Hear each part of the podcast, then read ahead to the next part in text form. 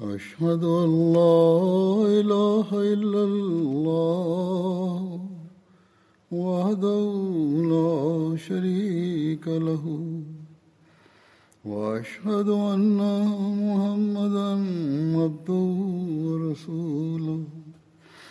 أما بعد فأعوذ بالله من الشيطان الرجيم. بسم الله الرحمن الرحيم الحمد لله رب العالمين الرحمن الرحيم مالك يوم الدين إياك نعبد وإياك نستعين. اهدنا الصراط المستقيم. صراط الذين أنعمت عليهم. غير المغضوب عليهم ولا الضالين.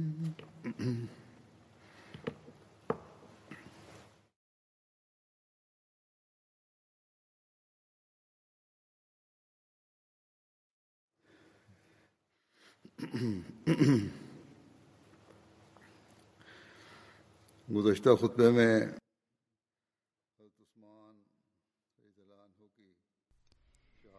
في الخطبة الماضية ذكرت لكم شغب الثوار وشهادة سيدنا عثمان رضي الله عنه وجهود علي رضي الله عنه لقمع الفتنة.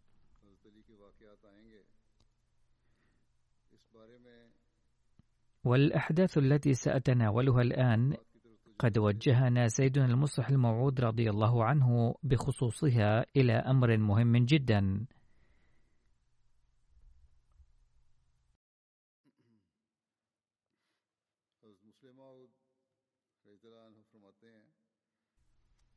فقال لما كنتم أيضا تماثلون الصحابة لذا أريد أن أبين من التاريخ كيف هلك المسلمون وما هي العوامل التي أدت إلى هلاكهم. فاحذروا. ودبروا التعليم للأحمديين الجدد. أي يجب أن تربوهم تربية صحيحة وتعلموهم.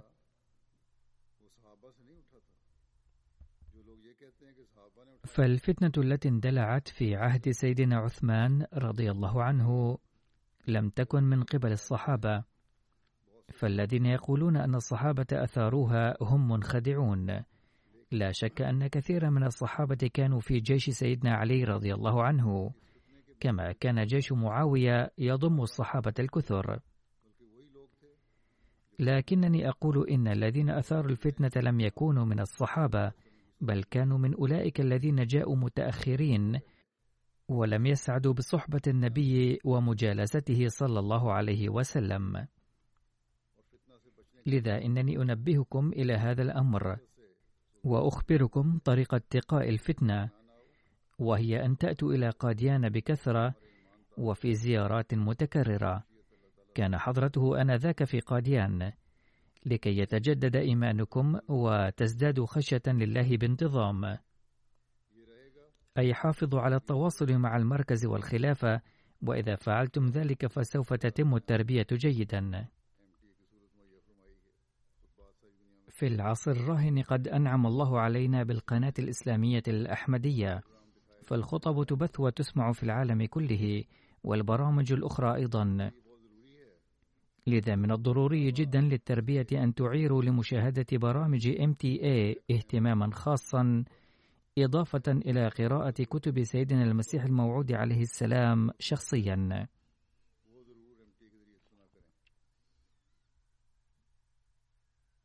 يجب أن تشاهدوا خطب الجمعة بوجه خاص حتما بواسطة MTA لكي تبقوا على تواصل مع الخلافة ويتحسن هذا الرابط ويتقوى على الدوام. عن معركة الجمل ورد في الروايات أنها كانت بين علي وعائشة رضي الله عنهما في العام السادس والثلاثين من الهجرة.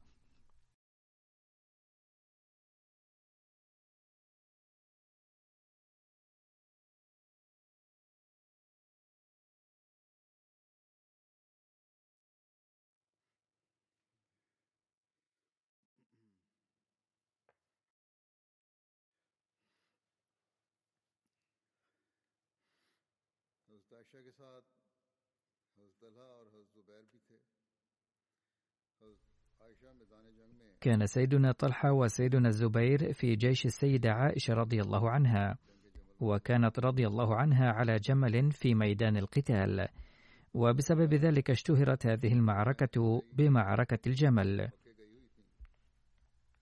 كانت السيدة عائشة قد ذهبت إلى مكة لأداء الحج. وكانت لا تزال هناك إذ وصل إليها خبر استشهاد سيدنا عثمان رضي الله عنه. فحين انطلقت إلى المدينة بعد العمرة أخبرها عبيد بن أبي سلمى بموضع السرف أن سيدنا عثمان قد استشهد وانتخب سيدنا علي خليفة. وأن المدينة المنورة في اضطراب وفساد. فعادت رضي الله عنها فورا إلى مكة وجمعت الناس من أجل قصاص عثمان رضي الله عنه وقمع الفتنة. فاجتمع كثير من الناس تحت قيادتها وقيادة سيدنا الزبير بن العوام وانطلقت القافلة إلى البصرة. فلما علم سيدنا علي بذلك توجه هو الآخر إلى البصرة.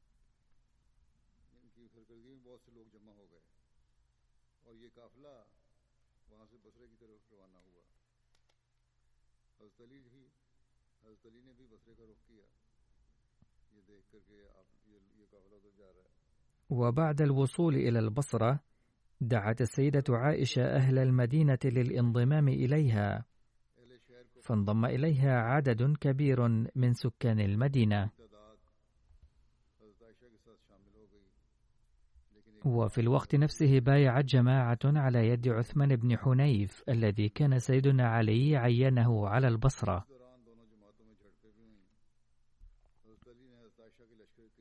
فحصلت اشتباكات بين الفريقين وحين وصل جيش علي رضي الله عنه إلى هناك نزل بالقرب من جيش عائشة رضي الله عنها. صدرت محاولة للصلح من كلا الفريقين ونجحت المفاوضات لكن جزءا من الفريق الذي كان شريكا في قتل عثمان رضي الله عنه وكان انضم إلى جيش علي رضي الله عنه قد هاجم جيش عائشة رضي الله عنها ليلا فاندلع القتال. وكانت عائشة رضي الله عنها راكبة على جمل وكان المخلصون يمسكون زمام الجمل واحدا تلو الآخر ويستشهدون.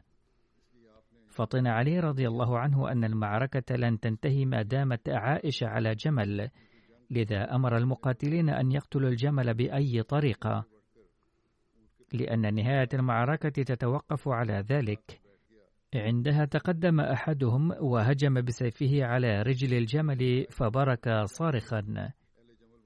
ثم حاصره جيش علي من الجهات الأربعة وأهل البصرة تشتتوا بعد سقوط جمل عائشة رضي الله عنها. ثم أعلن علي رضي الله عنه أن الذي سيلقي السلاح أو يغلق بابه فهو آمن.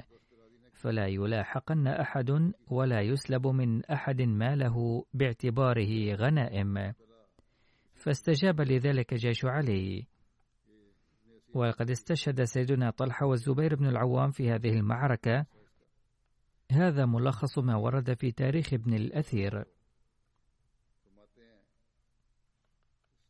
سيدنا الخليفة الثاني رضي الله عنه يقول في هذا الخصوص تمكنت جماعة من قتلة عثمان من إقناع السيدة عائشة بإعلان الجهاد لأخذ الثأر من قتلة عثمان رضي الله عنه. فنادت رضي الله عنها بالجهاد ودعت الصحابة لنصرتها.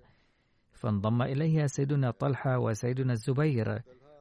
وتقاتل جيش علي وجيش عائشة وطلحة والزبير وتسمى هذه الحرب بحرب الجمل.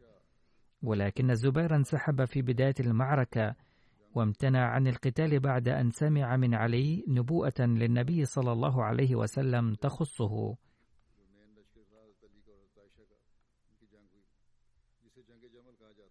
وحلف أنه لن يقاتل عليا واعترف بخطئه في اجتهاده.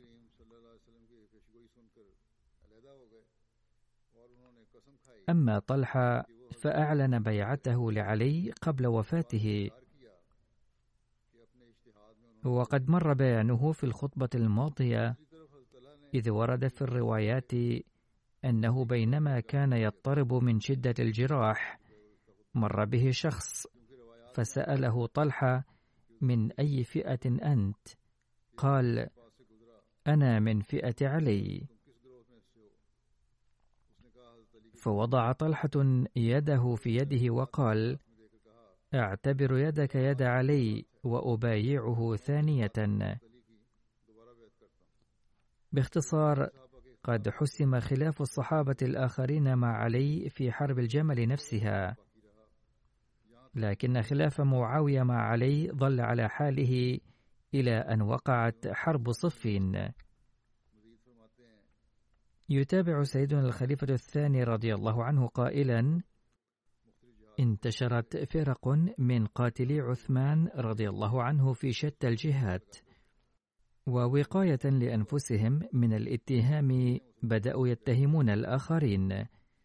فلما علموا أن عليا رضي الله عنه قد أخذ البيعة من المسلمين تسنت لهم فرصة رائعة لإلصاق التهم به.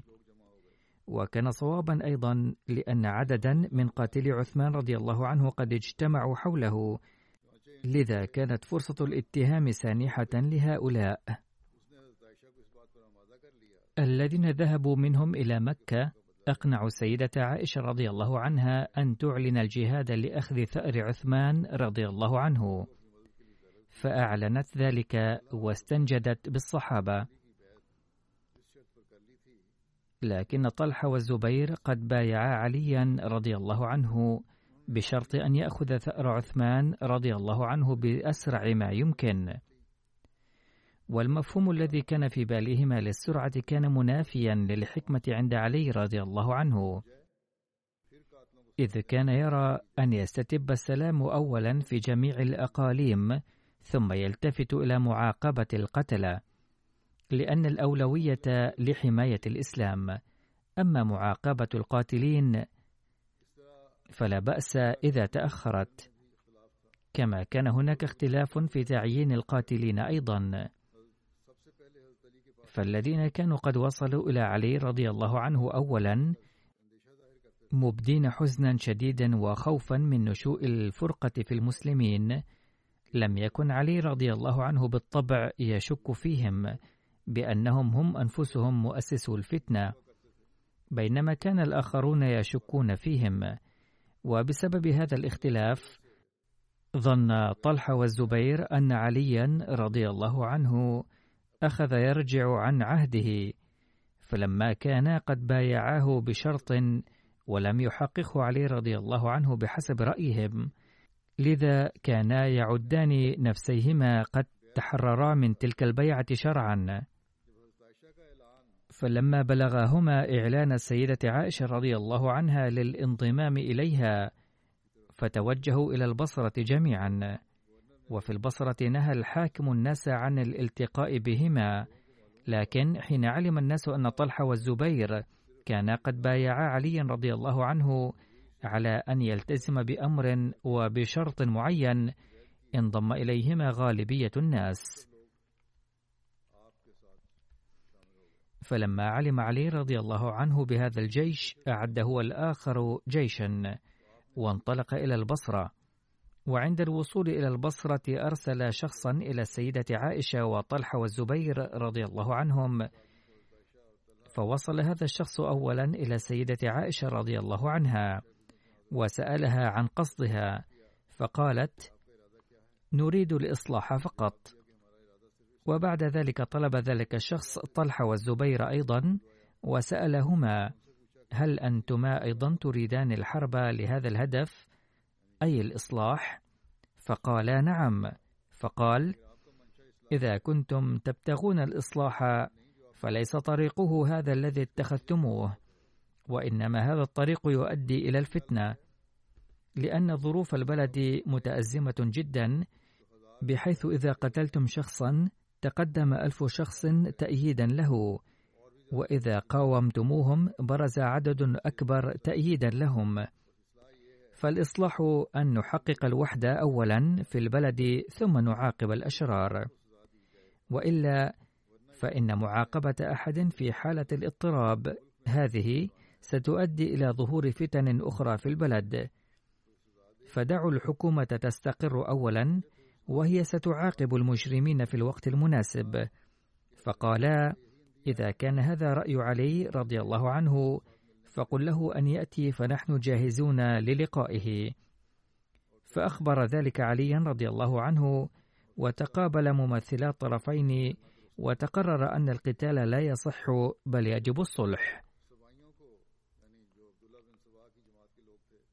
فلما بلغ هذا الخبر السبئيين أي جماعة عبد الله بن سبأ وقاتل عثمان رضي الله عنه أصابهم قلق شديد فاجتمع جماعة منهم سرا للتشاور وقرروا بعد التشاور أن عقد الصلح في المسلمين سوف يجلب الأضرار الفادحة عليهم لأنهم لن ينجوا من عقوبة قتل عثمان ما لم يتقاتل المسلمون فيما بينهم وإذا حصل الصلح والأمن فلن يجدوا أي مأمن ولا ملجأ لذا يجب ألا يحدث الصلح بأي حال.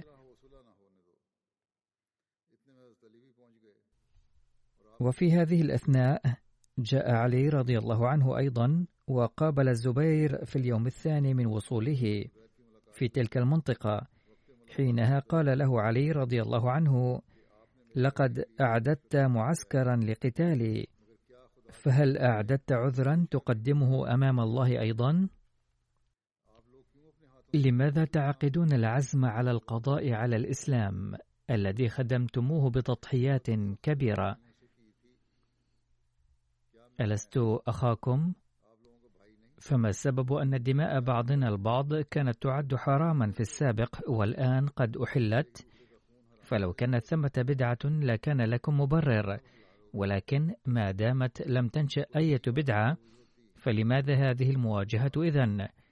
فقال له طلحة رضي الله عنه وكان مع الزبير إنك حرضت الناس على قتل عثمان رضي الله عنه فقال علي رضي الله عنه إنني ألعن الشركاء في قتل عثمان رضي الله عنه ثم قال علي رضي الله عنه للزبير رضي الله عنه ألا تذكر يوم قال لك النبي صلى الله عليه وسلم والله ستحارب عليا وستكون له ظالما. فلما سمع هذا القول عاد الزبير رضي الله عنه إلى جيشه وأقسم أنه لن يحارب عليا رضي الله عنه أبدا واعترف بأنه أخطأ في الاجتهاد. فلما انتشر هذا الخبر في الجيش واطمأن الجميع أنه لن تكون الحرب الآن بل سوف يتم الصلح. لكن أصاب المفسدين اضطراب كبير. الذين كانوا يريدون الفتنة كان من الطبيعي أن يقلقوا. فلما غشي الليل دبروا لمنع الصلح بحيث أن منهم من كانوا مع علي. فهاجموا جيش عائشة وطلحة والزبير رضي الله عنهم ليلا. ومنهم من كانوا في جيش هؤلاء الثلاثة فهاجموا جيش علي رضي الله عنه ليلا مما تسبب في إحداث ضجة.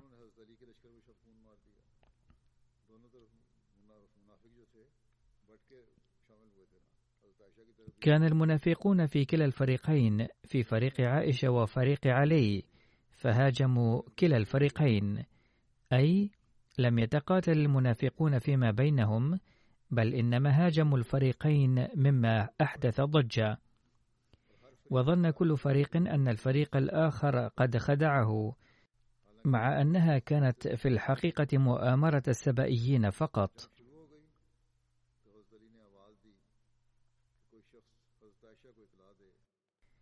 فلما اندلعت الحرب نادى علي رضي الله عنه أن يخبر أحد عائشة رضي الله عنها لعل الله يزيل الفتنة بسببها. فجيء بجمل عائشة رضي الله عنها إلى الأمام لكن النتيجة كانت أكثر خطورة لأن الثوار رأوا أن خطتهم تكاد تفشل فبدأوا يرشقون جملها بالسهام. فصاحت عائشة رضي الله عنها بشدة أن كفوا عن الحرب أيها الناس واذكروا الله ويوم الحساب. لكن المفسدين لم يكفوا وظلوا يطلقون السهام إلى جملها. وكان أهل البصرة مع الجيش الذي اجتمع مع عائشة رضي الله عنها فاستشاطوا غضبا برؤية إهانة أم المؤمنين رضي الله عنها فاستلوا السيوف وشنوا الهجوم على الجيش المخالف فصار جمل عائشة رضي الله عنها مركز القتال والتف حوله كبار الصحابة البواسل وبدأوا يسقطون الصرع أحدهم تلو الآخر ولم يتركوا زمام الجمل.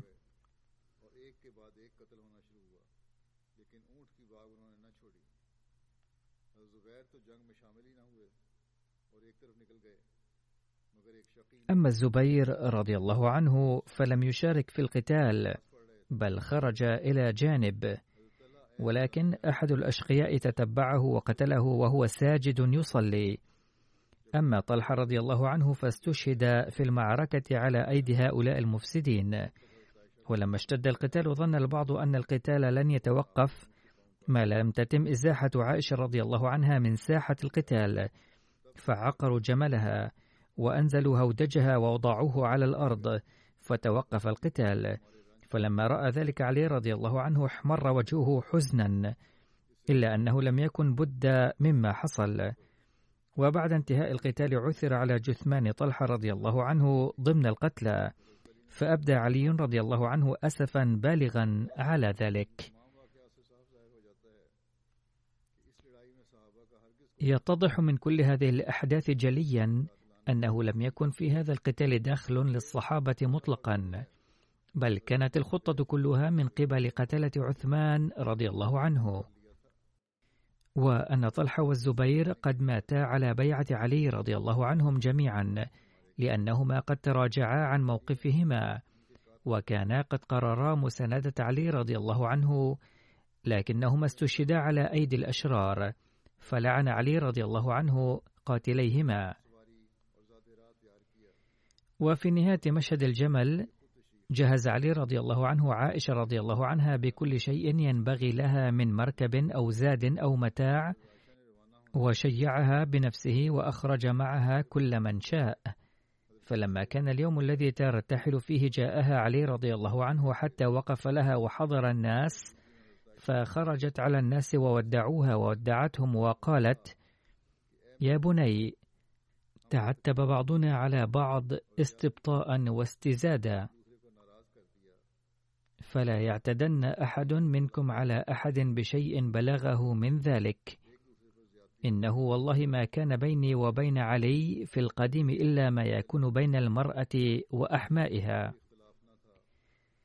أي كان الخلاف بسيطا. وإنه عندي على معتبه من الأخيار.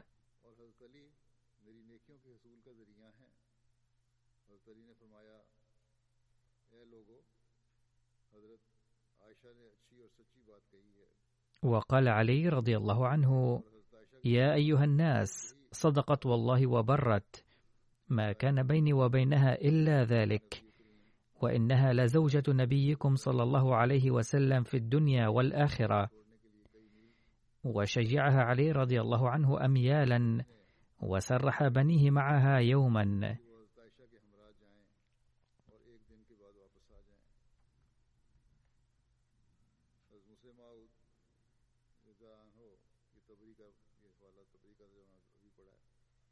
قال المصلح الموعود رضي الله عنه في مناسبة أخرى.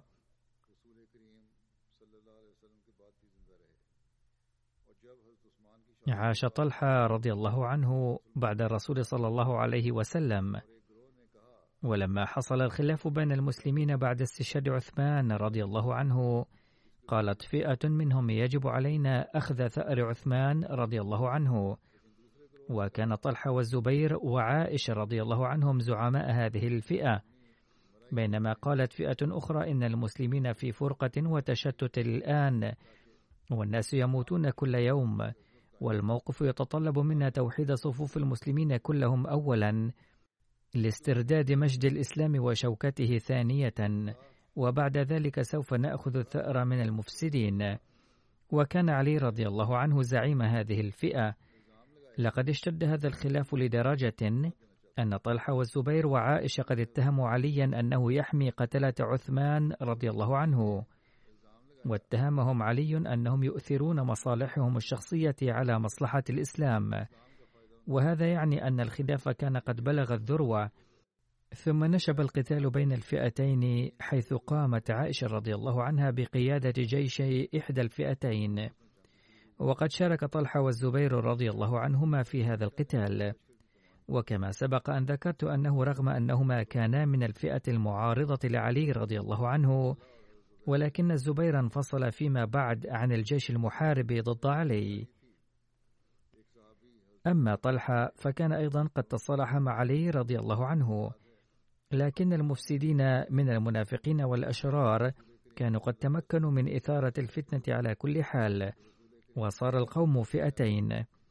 فاشترك طلحة والزبير في القتال وفي أثناء ذلك جاء صحابي إلى طلحة وقال له أتذكر أن رسول الله صلى الله عليه وسلم كان قد قال لك في مجلس سيأتي عليك زمان تكون في جيش ويكون علي في جيش آخر ويكون علي على الحق وتكون أنت على الباطل. فلما سمع طلحة رضي الله عنه ذلك عاد إلى صوابه وقال نعم لقد تذكرت الآن ذلك. ثم انفصل طلحة عن الجيش فورا. وبينما هو يغادر ساحة القتال عملا بنصيحة الرسول صلى الله عليه وسلم تتبعه شقي من جيش علي رضي الله عنه وطعنه بالخنجر وقتله. وكان علي رضي الله عنه في مجلس فجاءه قاتل طلحة يجري ظنا منه أنه سيعطي مكافأة كبيرة على قتله. وقال أمير المؤمنين أبشرك بقتل عدوك. فقال علي من؟ قال لقد قتلت طلحة يا أمير المؤمنين. فقال له علي رضي الله عنه فإني أبشرك بالنار بناء على قول رسول الله صلى الله عليه وسلم. لأنه صلى الله عليه وسلم قال في مجلس وأنا وطلحة فيه يا طلحة سوف تتحمل الذل من أجل الحق والعدل وسوف يقتلك شخص ولكن الله سوف يدخله النار.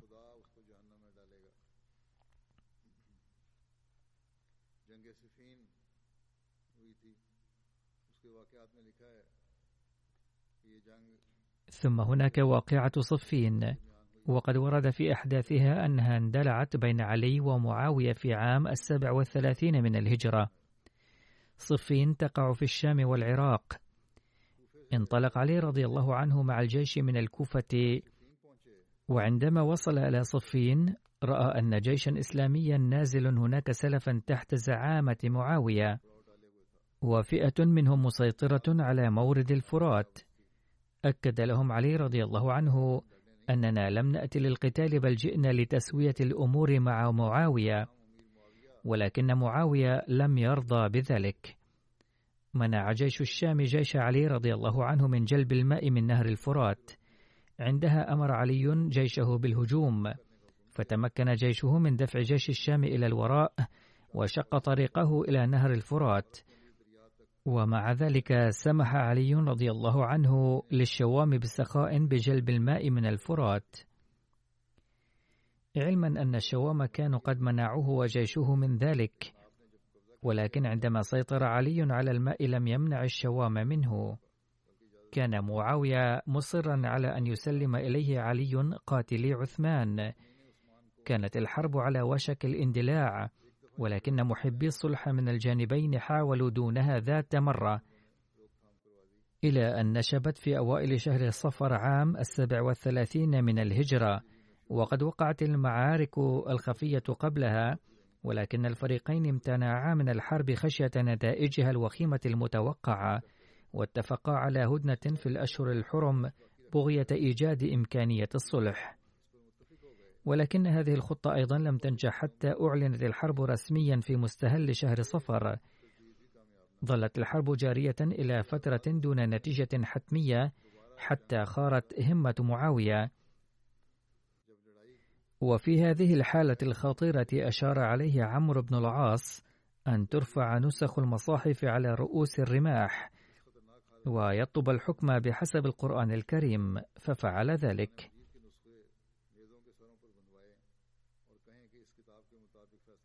وبسبب ذلك حدث خلاف بين أصحاب علي رضي الله عنه وقال عدد كبير منهم أن طلب الحكم من الله لا يرد عندها استرجع سيدنا علي طليعة الجيش وتوقفت الحرب.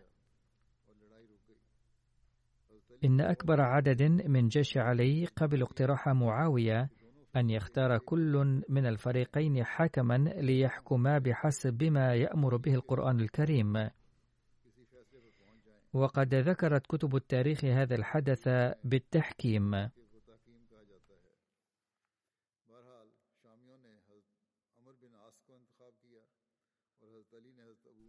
باختصار انتخب الشوام عمرو بن العاص وعين علي رضي الله عنه أبا موسى الأشعري وتفرقت الجيوش بعد التوقيع على الميثاق.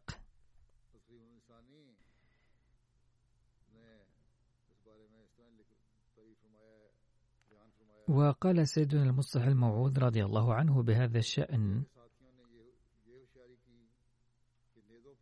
احتل أصحاب معاوية في هذه الحرب حيث رفعوا المصاحف على الرماح. وقالوا نرضى بقرار القرآن الكريم. فيجب تعيين حكمين لهذا الغرض. وعند سماع ذلك تقدم المتورطون في مؤامرة قتل عثمان. وكانوا قد اندسوا في صفوف علي ليفلتوا من عقاب جريمتهم. وألحوا عليه بقبول هذا الاقتراح. ويعين حكما من عنده.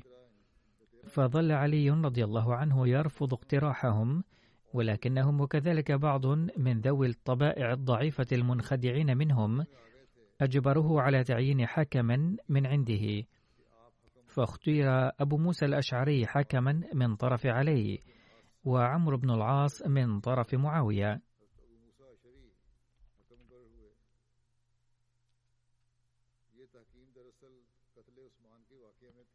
كان هذا التحكيم في الحقيقة في حادث قتل عثمان رضي الله عنه وكان مشروطا بأن يكون قرارهم متفقا مع القرآن الكريم.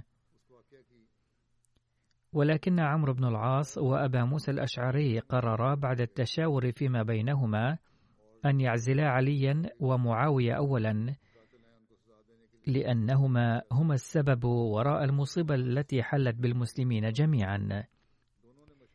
ثم يختار المسلمون بحرية خليفة لهم مع أن اتخاذ مثل هذا القرار لم يكن من مهمة الحكمين.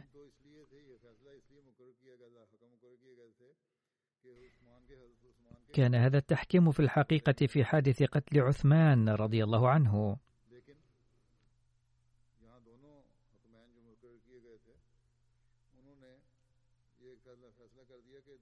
ولكنهما قررا بعد التشاور فيما بينهما أن يعزلا عليا ومعاوية أولا لأنهما هما السبب وراء المصيبة التي حلت بالمسلمين جميعا. ثم يختار المسلمون بحرية خليفة لهم.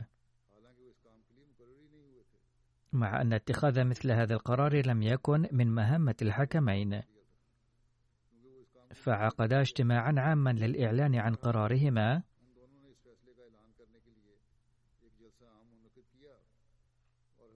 فقال فيه عمرو بن العاص لأبي موسى الأشعري أنت تعلن عن قرارك أولا ثم أعلن أنا. فأعلن أبو موسى الأشعري أنه يعزل عليا عن الخلافة. فقام عمرو بن العاص وقال لقد عزل أبو موسى الأشعري عليا وأنا أتفق مع قراره وأعزل عليا. ولكني لا أعزل معاوية بل أقر باستمرار إمارته.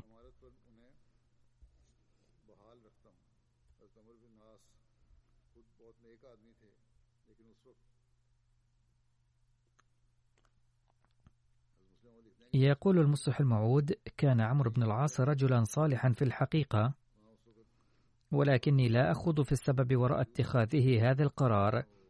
وكيف أنه اقتنع بأقوال الناس وقرر ذلك فإنه موضوع آخر ولا أخوض فيه. وعلى أي حال فإن قراره هذا كان خاطئا.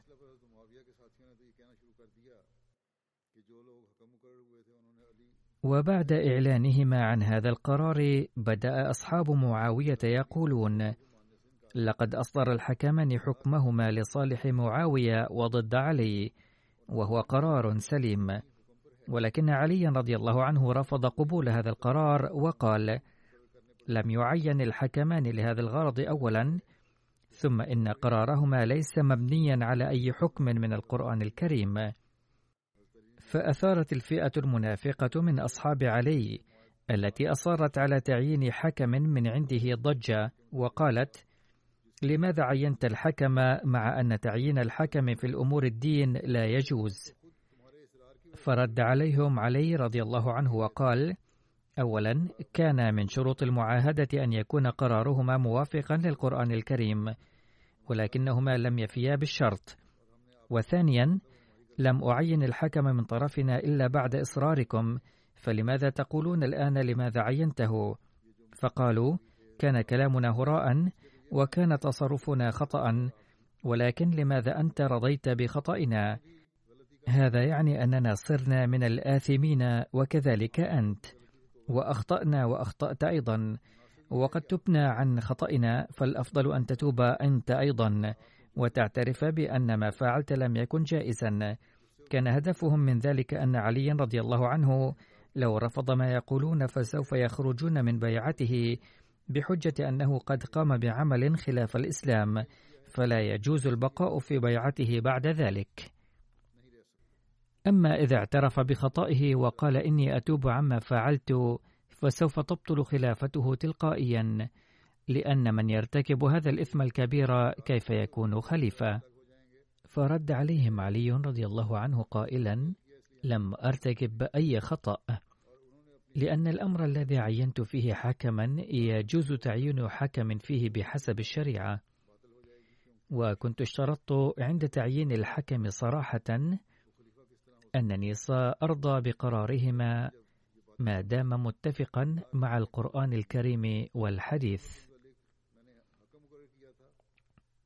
وإلا لن أرضى به أبدا فلأنهما خالفا هذا الشرط ولم يكن قرارهما في الأمر الذي تم تعيينهما فيه فحكمهما ليس حجة علي.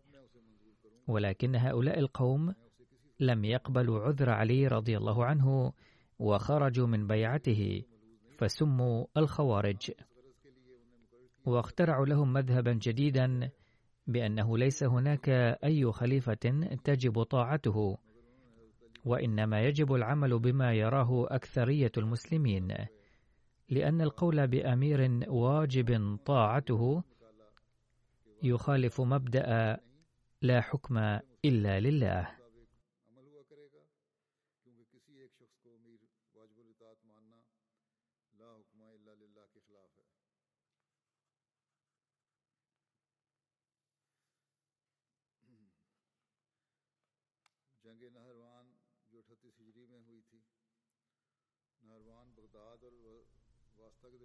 وقعت معركة النهروان سنة الثامنة والثلاثين للهجرة. والنهروان موقع بين بغداد وواسط. وهنا وقعت معركة بين علي والخوارج. ورد في التاريخ لابن الأثير أنه للفصل في قضية وقعة صفين تم تعيين أبي موسى الأشعري حكما من قبل علي رضي الله عنه وعمرو بن العاص من قبل معاوية. وسمي ذلك في التاريخ بالتحكيم.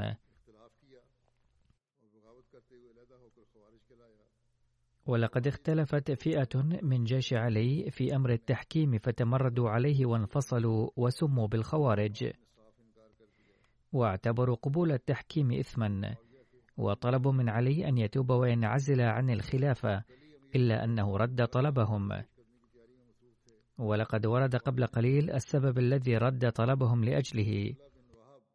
كان علي يستعد للخروج مرة أخرى ضد معاوية ناحية الشام. وإذ بدأ الخوارج أعمالهم المفسدة حيث جعلوا عبد الله بن وهب إماما لهم وانتقلوا من الكوفة إلى النهروان. كما جمع الخوارج في البصرة أيضا فئاتهم التي التحقت بجيش عبد الله بن وهب في النهروان. لقد قتل الخوارج عبد الله بن خباب أحد صحابة الرسول صلى الله عليه وسلم لولائه لعلي وبقروا بطن زوجته الحامل وقتلوها. بلا هوادة كما قتلوا ثلاث نساء من طيء فلما بلغت عليا هذه الأوضاع أرسل الحارث بن مر سفيرا له ليحقق في الأمر غير أن الخوارج قتلوه. ونظرا إلى هذه الأوضاع ترك علي الخروج إلى الشام وبدلا من ذلك توجه ليتصدى للخوارج. بجيشه البالغ عدده خمسة وستين ألفا الذي كان قد أعده للشام.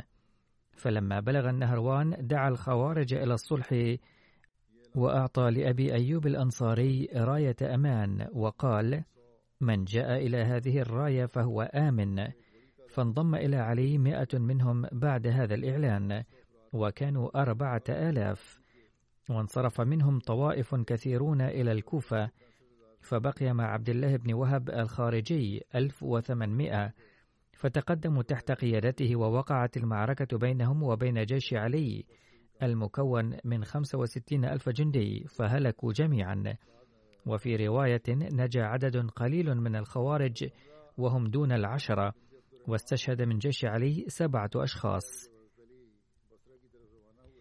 عن عمرو بنت عبد الرحمن قالت لما سار علي إلى البصرة دخل على أم سلمة زوج النبي صلى الله عليه وسلم يودعها فقالت سر في حفظ الله وفي كنفه فوالله إنك لعلى الحق والحق معك ولولا أني أكره أن أعصي الله ورسوله.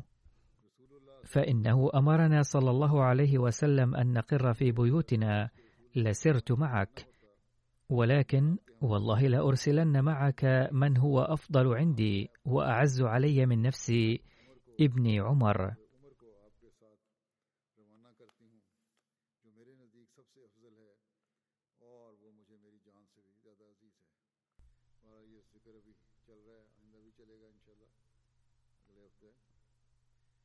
على أي حال لم ينتهي بعد هذا الذكر وسيستمر في الأسبوع القادم أيضا إن شاء الله. واليوم أيضا أوجه عنايتكم إلى الدعاء للأحمديين في باكستان والجزائر. هناك خبر مفرح من الجزائر أنه في اليومين أو الثلاثة الماضية برأت محكمتان هناك عددا من الأحمديين من التهم الكاذبة ضدهم. جزى الله تعالى هؤلاء القضاة العادلين ووفق المسؤولين الآخرين والقضاة الالتزام بالعدل بخصوص القضايا الكاذبة المرفوعة ضد الأحمديين.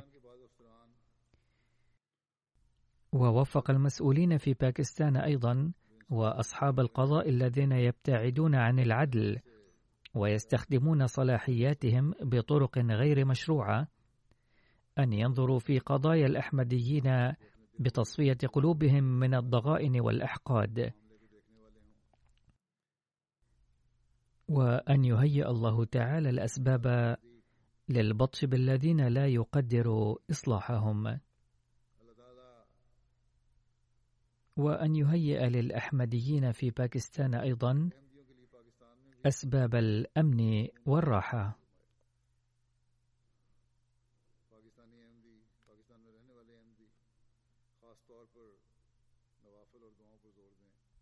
على الأحمديين في باكستان أن يركزوا بشكل خاص على النوافل والأدعية ويكثروا من دعاء رب كل شيء خادمك. رب فاحفظني وانصرني وارحمني. ودعاء. اللهم إنا نجعلك في نحورهم ونعوذ بك من شرورهم. كما ينبغي أن يركزوا على الاستغفار والصلاة على النبي صلى الله عليه وسلم. فهناك حاجة ماسة إليها. وينبغي أن يركزوا على أداء النوافل أيضا. وفقهم الله تعالى لذلك وحسن الأوضاع هناك. بعد الصلاة سوف أصلي اليوم أيضا على بعض الموتى وأولهم السيدة حمدة عباس زوجة الشهيد عباس بن عبد القادر من مدينة خيربور باكستان حيث توفيت في التاسع من ديسمبر وعمرها 91 عاما. إن لله وإنا إليه راجعون. بايع أبوها الدكتور محمد إبراهيم مع زوجته على يد حضرة المصلح الموعود رضي الله عنه عام 1929 خلال دراسته في كلية كانغ إدوارد الطبية متأثرا بزميل له أحمدي. تزوج البروفيسور عباس بن عبد القادر من المرحومة حمدة في مايو 1951 بلاهور. زوجها كان حفيدا لحضرة مولانا عبد الماجد أحد صحابة المسيح الموعود عليه السلام. ويكون ابن البروفيسور عبد القادر وهو الأخ الأكبر لسيدة سارة بيغم. حرم حضرة الخليفة الثاني رضي الله عنه. استشهد البروفيسور عباس بن عبد القادر في مدينة خيربور في عام 1974 فلم تجزع المرحومة على ذلك قط بل صبرت صبرا جميلا راضية برضا الله تعالى. عند استشهاد زوجها أرسل أحد أبناء خالتها غير أحمدي رسالة عزاء لها قال فيها كان عباس إنسانا رائعا ولكن ليته مات على الهدى فردت عليه السيدة حمدة في رسالتها إنني فخورة بأن زوجي قد استشهد في سبيل هو سبيل الهدى وكانت للسيدة حمدة صديقة حميمة في زمن المدرسة اسمها شفيقة التي تزوجت فيما بعد من الجنرال ضياء الحق من باكستان. عندما صار زوجها رئيسا لباكستان قالت ذات مرة الكل يأتون لزيارتي إلا حمدة. ولما بلغ ذلك السيدة حمدة قالت لا أرغب أبدا في لقاء زوجة شخص يعادي إمام الحبيب سيدنا المسيح الموعود عليه السلام وجماعته ثم لم تقابلها قط.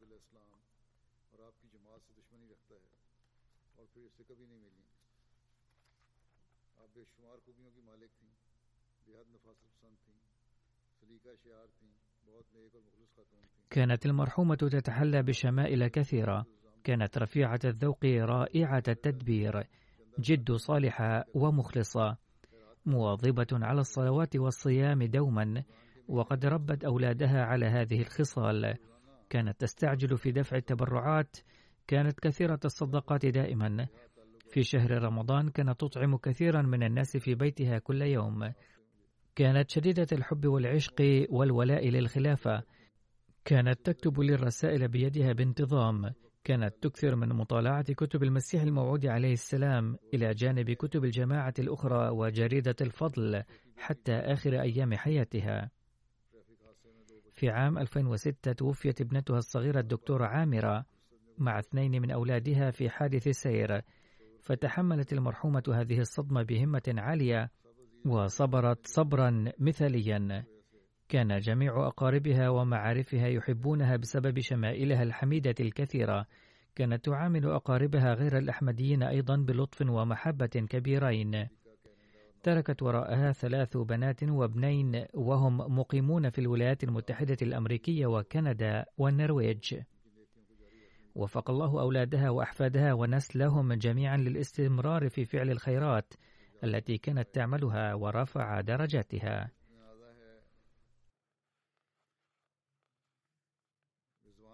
والجنازة التالية هي للسيد رضوان سيد النعيم من العراق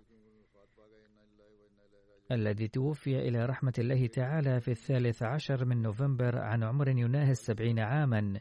إنا لله وإنا إليه راجعون. كتب ابن المرحوم السيد مصطفى النعيمي رأى والدي في الرؤيا أنه عند الشيخ عبد القادر الجيلاني فأعطاه نعليه. فتردد والدي في تناولهما لأنه رأى أنه أدنى شأنا من أن يلبس نعل الشيخ عبد القادر الجيلاني. ولكن الشيخ أصر على والدي فلبس النعلين. ثم إن الشيخ عبد القادر الجيلاني أشار إلى شخص وإلى جماعته وأمر أبي بالالتحاق به. ثم بعد ذلك تشرف المرحوم رضوان النعيم بزيارة رسول الله صلى الله عليه وسلم في الرؤيا. ثم بعد بضع سنوات تعرف على الجماعة الإسلامية الأحمدية عبر قناتنا MTA فقال إن المراد من زيارة رسول الله صلى الله عليه وسلم في الرؤيا هو بعثة خادمه الصادق البار المسيح الموعود عليه السلام والمراد من الشخص الذي رآه في الرؤيا الأخرى والذي أشار الشيخ عبد القادر الجيلاني إليه وإلى جماعته وأمره بالالتحاق به هو خليفة المسيح وجماعته. فما لبث أن قام بالبيعة عام 2012 كان المرحوم كبير الصلاح وكثير المساعدة لأقاربه وللفقراء. كان عنده ولع شديد بالدعوة والتبليغ. فظل يقوم بالدعوة في منطقته رغم ضعف صحته ومعارضة الأعداء. كان يوصي أسرته دائما بالبيعة والانضمام إلى الجماعة الإسلامية الأحمدية. لقد بايع الآن ابنه وزوجته وأخو زوجته أيضا. ثبت الله أقدامهم ووفقهم للاستمرار في فعل الخيرات التي كان المرحوم يعملها. رفع الله درجاته. والجنازة التالية هي للسيد ملك علي محمد القاطن في هجكا بمحافظة سرغودا والمرحوم هو والد السيد محمد أفضل ظفر داعيتنا في كينيا. وفاة المنية في العشرين من أغسطس عن عمر يناهز التسعين عاما. إن لله وإنا إليه راجعون. كان للمرحوم شرف السجن في سبيل الله تعالى عام 1974 كان يكرم عمال الجماعة والواقفين حياتهم لخدمة الدين والدعاة والمعلمين إكراما كبيرا. كان مواظبا على الصلوات الخمس والصيام والتهجد كان مضيافا ومعينا للفقراء صابرا شاكرا واصلا للرحم صالحا وكبير الإخلاص. كان يتلو القرآن الكريم يوميا بانتظام ووفقه الله تعالى لتعليم عديد من الأطفال القرآن الكريم. ترك وراءه ثلاثة أبناء وأحد عشر حفيدا وحافدة كما قلت إن ابنه السيد محمد أفضل ظفر يعمل داعية في كينيا في هذه الأيام. ولم يستطع حضور جنازة والده ودفنه. ألهمه الله الصبر والسلوان وتغمد المرحوم بمغفرته ورحمته ورفع درجاته. والجنازة التالية هي للسيد إحسان أحمد ابن شفقة محمود من لاهور حيث توفي في السابع والعشرين من يوليو بعمر خمس وثلاثين عاما جراء فيروس الكورونا. إن لله وإنا إليه راجعون. كان المرحوم حفيدا لحضرة مولوي نور الدين أبرز صحابة المسيح الموعود عليه السلام من قرية غوليكي بمحافظة جوجرات. وكان حفيدا من طرف أمه للسيد إرشاد أحمد من مدينة جوجراوالا. ووفقه الله تعالى لخدمة الجماعة بصفته رئيسا لجماعتنا في ريتشنا تاون. بلاهور وأيضا سكرتيرا للمبيعين الجدد في إمارة حي دهلي غيت بلاهور. كان المرحوم مشغوفا بالدعوة والتبليغ وبايع بواسطته ثمانية أشخاص بتوفيق الله تعالى. ترك وراءه أرملته وابنين العزيز حنان أحمد مسرور وعمره ستة أعوام والعزيز مبين أحمد طاهر وعمره ثلاثة أعوام. وابنة العزيزة سائرة أحمد وعمرها خمسة أعوام. وأيضا والديه وثلاثة إخوة وأختين. ألهمهم الله جميعا الصبر والسلوان وتكفل أولاد المرحوم ووفقهم للاستمرار في فعل الخيرات التي كان يقوم بها رفع الله درجاته. والجنازة التالية هي للمرحوم رياض الدين شمس الابن الأصغر لحضرة مولانا جلال الدين شمس. حيث توفي في السابع والعشرين من مايو المنصرم. إن لله وإنا إليه راجعون. كان ابن حفيد لحضرة مية محمد صديق وحفيدا لحضرة مية إمام الدين السيخواني وحفيدا من طرف أمه لحضرة خواجة عبيد الله وكما قلت ابنا لحضرة مولانا جلال الدين شمس. وكل هؤلاء كانوا من صحابة المسيح الموعود عليه السلام. ترك المرحوم خلفه ابنتين وابنا. ألهمهم الله الصبر والسلوان. زوجة المرحوم متوفاة سلفا. غفر الله للمرحوم ورحمه ورفع درجاته. قال أخوه السيد منير الدين شمس كان المرحوم متحليا بخصال حميدة كثيرة. كان ملتزما بأداء الصلوات وكان يوصي أولاده بذلك دائما. كان محبا للخلافة حبا جما. وكان يكثر الحديث في البيت عن التمسك بأهداب الخلافة دائما. جاء في مرضه للزيارة قبل عامين فكان رغم مرضه يتكلم بصبر وهمة وبشاشة لم يكن قلقا على نفسه أبدا بل كان مهتما بأولاده فقط. كان عند الجميع انطباع بأن من الخصال الغالبة على المرحوم البشاشة في كل حال والعيش مع الآخرين ومساعدة الناس في معاناتهم. تغمد الله المرحوم بمغفرته ورحمته ورفع درجاته.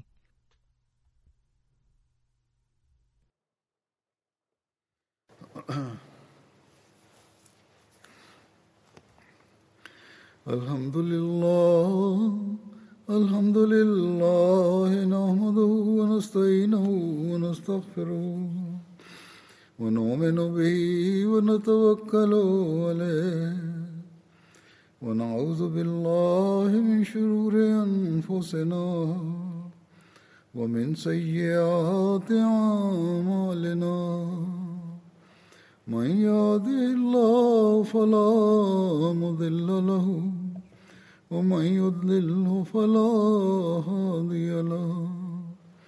ونشهد أن لا إله إلا الله ونشهد أن محمدا عبده ورسوله. عباد الله رحمكم الله. إن الله يأمر بالعدل واللسان وإيتاء ذي القربى وينهى عن الفحشاء والمنكر والبغي يعظكم لعلكم تذكرون اذكروا الله يذكركم ودوه يستجب لكم ولذكر الله أكبر.